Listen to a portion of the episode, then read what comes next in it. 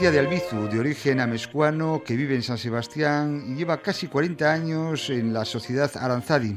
Y desde que encontró los restos de su abuelo, Balbino García de Albizu, en la cima del Raso, en Urbasa, no ha parado hasta identificar nueve de los diez republicanos arrojados a la cima. Balbino García de Albizu, gracias por estar en los hilos de la memoria. Aquí estamos para, para explicar lo que haga falta. En estos momentos, ustedes tienen localizados los restos de unas 30 personas en lo que tristemente le han denominado el matadero de Urbasa, ¿es así? Sí, correcto, es así. Eh, exactamente, ¿cómo se componen estos lugares? ¿Está la cima del Raso, la cima de Ocho Portillo, el balcón de Pilatos? Sí, bueno, son, son los tres principales. Eh, hay alguna cima añadida, pero eh, estas dos eran extraordinariamente adecuadas para el fin que perseguían los que se dedicaban a matar gente. ¿Y por qué eran las adecuadas? Bueno, eran las más adecuadas porque estaban muy cerca de la carretera y para llevar un individuo a matar normalmente eh, había que hacerle andar y si se le hacía andar en exceso pues no iba a andar aquí estaban a unos metros de la carretera, con lo cual, pues más o menos empujándolo, tirando de él, se conseguía acercarlo al mismo, a la misma boca de la cima.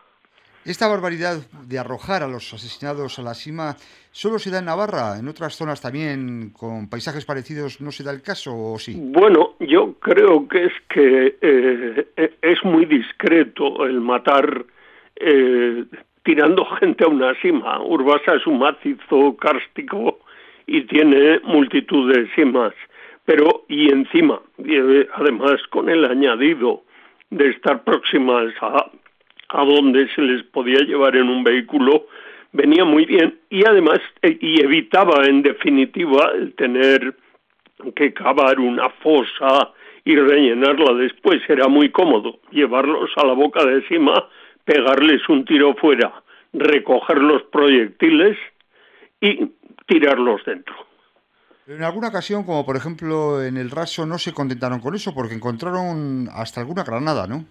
Sí, bueno, se trataba de borrar los restos porque estas cimas para la gente mm, que vivía en las zonas mugantes al norte y al sur de Urbasa no eran desconocidas. Y bueno, lo que ocurrió tampoco fue desconocido.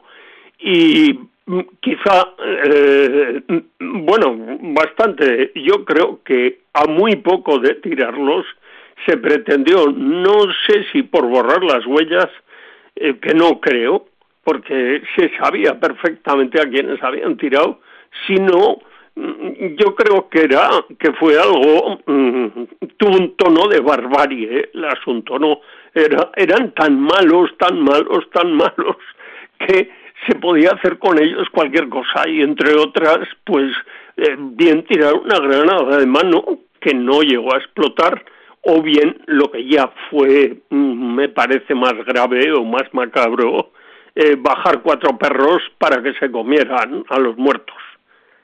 ¿Cómo los bajaron? ¿Los arrojaron? Bueno, yo creo que la manera es muy sencilla. En la cima del raso eh, tiene mucha tiene mucha profundidad.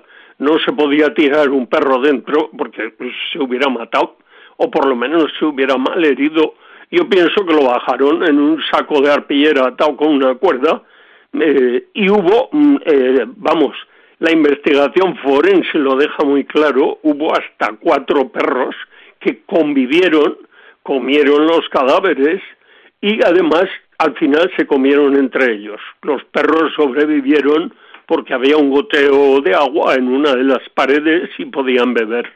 Y al final, cuando ya no hubo nada que comer, se comieron entre ellos y murieron. Usted hemos comentado que vive en San Sebastián, vive en Donosti, pero es de origen amescuano, ¿no? Y su familia lleva toda la vida eh, en esa zona de Navarra. Por parte de mi padre, eh, seis siglos. Una pregunta que en el pueblo los vecinos de la zona saben estas cosas, sabían, eh, han estado callados, eh, un poco, ¿qué le comentan?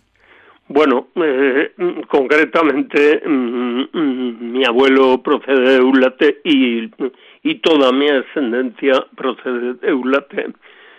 La gente sí sabía que estaban allí. Bueno, de hecho, en la boca de la cima, mm, mi familia, de acuerdo con la familia de los otros dos que tiraron con él, pusieron una lápida. Es el recuerdo memorialístico más antiguo que hay para unos republicanos, ¿no?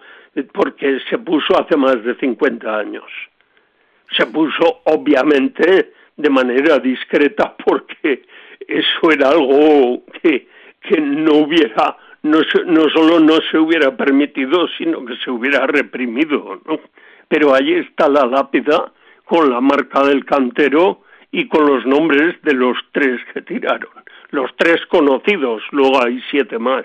Precisamente usted se llama Balbino García de Albizu, igual que su abuelo, y junto con su abuelo compartió triste destino Balbino Vados, que fue el padre del que fue presidente del Parlamento de Navarra y, si no fundador, uno de los dirigentes de UPN en los primeros años de la transición. ¿Usted llegó a hablar con él de, de, esto porque compartieron, digamos, desgraciadamente destinos sus abuelos, como digo? Pues no, no, o sea, tuve una, me lo presentaron en una ocasión, pero yo sabía que el tema eh, no era grato para él y bueno, lo eludí deliberadamente.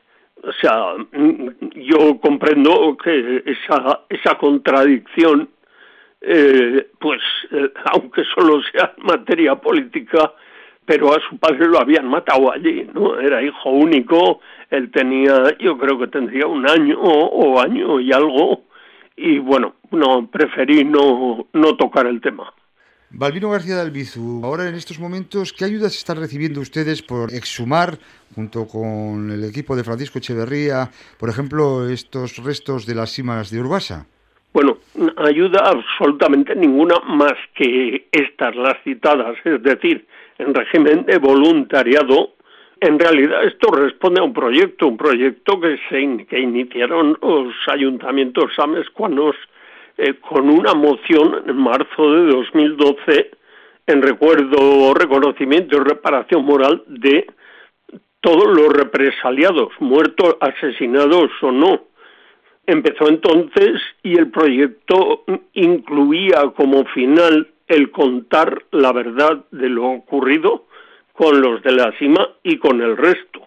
Eh, es lo que vamos a llevar a cabo. Pero en cuanto a las ayudas, las ayudas han sido, por un lado, como, como he dicho, en régimen de voluntariado, Aranzadi hizo la apertura de la cima, la excavación arqueológica, la exhumación de los muertos y la investigación forense. Y luego la investigación histórica documental de encuesta para saber quién estaba allí, aparte de los tres que ya conocíamos, lo hemos hecho un colectivo, bueno, no un colectivo como tal, pero un grupo de gente mm, al que mm, le ha aportado información historiadores, archiveros, eh, gente de familiares, pero el compromiso que marcaba la ley foral, la ley de noviembre de 2013, sobre que el gobierno de Navarra se hiciera cargo ha sido absolutamente ignorado. ¿no?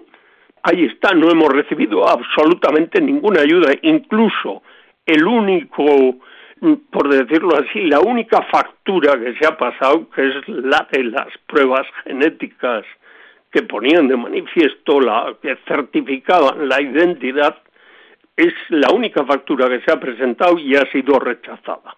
Es decir, se ha denegado la subvención.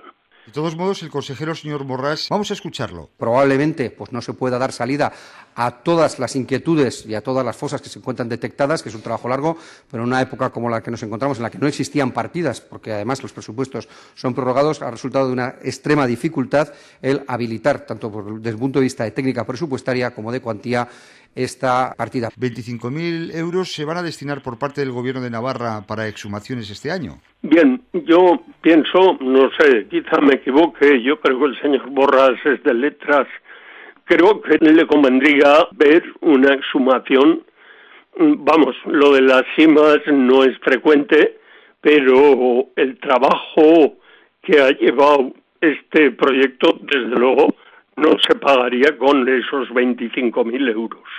Y el esfuerzo que haya hecho, pues bueno, pues no deja de tener gracia que un, el gobierno de una comunidad autónoma hable de esfuerzo cuando pone 25.000 euros en un asunto de estas características en el que, insisto, le obligaba su propia ley foral.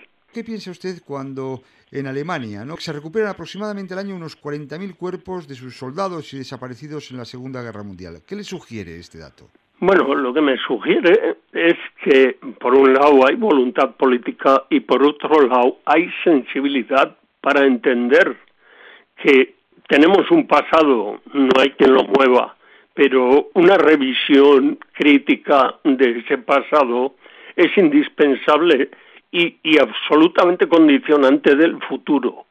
Mm, creo que aquí faltan las dos cosas falta voluntad política y no me refiero solo al gobierno, porque el gobierno de Navarra, cuyo parlamento aprobó una ley foral, tenía que haber sido presionado mucho más fuertemente por los partidos que aprobaron esa ley.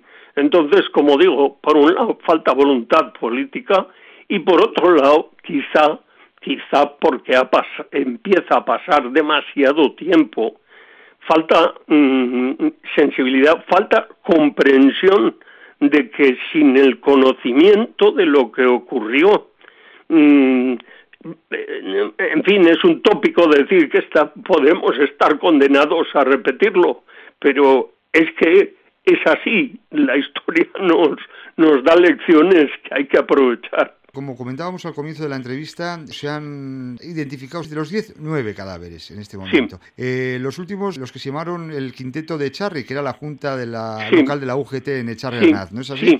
Queda uno por localizar. Bueno, hemos de momento, pero aquí había un objetivo que, bueno, en estos momentos lo que estamos haciendo es intentar, y yo creo que hemos terminado esa fase, la siguiente la factura del laboratorio que hizo las pruebas genéticas la pagó Aranzadi, pensando de buena fe que eh, adelantar ese pago le iba a ser repuesto, iba a responder el gobierno de Navarra con una subvención, ya que era el único pago que se iba a presentar.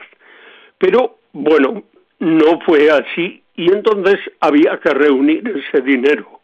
Lo que hemos hecho es comprometer ayuntamientos de uno y otro lado de Urbasa, todos los cuales tienen, si no asesinados en la cima, si los tienen en, a lo largo y ancho del matadero de Urbasa y decir, bueno, vamos a adelantar ese dinero que no ha puesto el gobierno de Navarra y reclamárselo a continuación en base precisamente al compromiso que le supone una ley foral. Ese, estamos en eso por un lado. En cuanto al décimo, eh, le estamos dando vueltas, pero el que quede uno es, supone una dificultad. Y mm, precisamente mm, con los seis primeros que, con los seis que hemos identificado, en base a muchas horas, puedo decir que miles de horas, sin exagerar, porque ha trabajado mucha gente en ello, hemos acertado en los seis, es decir, hemos propuesto seis y eran esos seis, lo cual quiere decir que se ha optimizado el gasto en pruebas genéticas. Pero en este vamos a tener más dificultades y, claro, teniendo en cuenta cómo está la situación de las ayudas no podemos arriesgarnos a empezar a probar. Entonces, hay que hacer otro esfuerzo de estudio documental, de investigación histórica, para tratar de que el candidato que elijamos sea el adecuado. Ahí estamos. Estamos en ello y no, vamos, no tenemos duda de que saldrá y además su ADN está conservado, con lo cual en el momento que pensemos quién puede ser, contactaremos con un familiar y haremos las pruebas de comprobación con Aranzadi. Balvino García Albizu, le agradezco que haya estado con nosotros. De acuerdo, muchas gracias.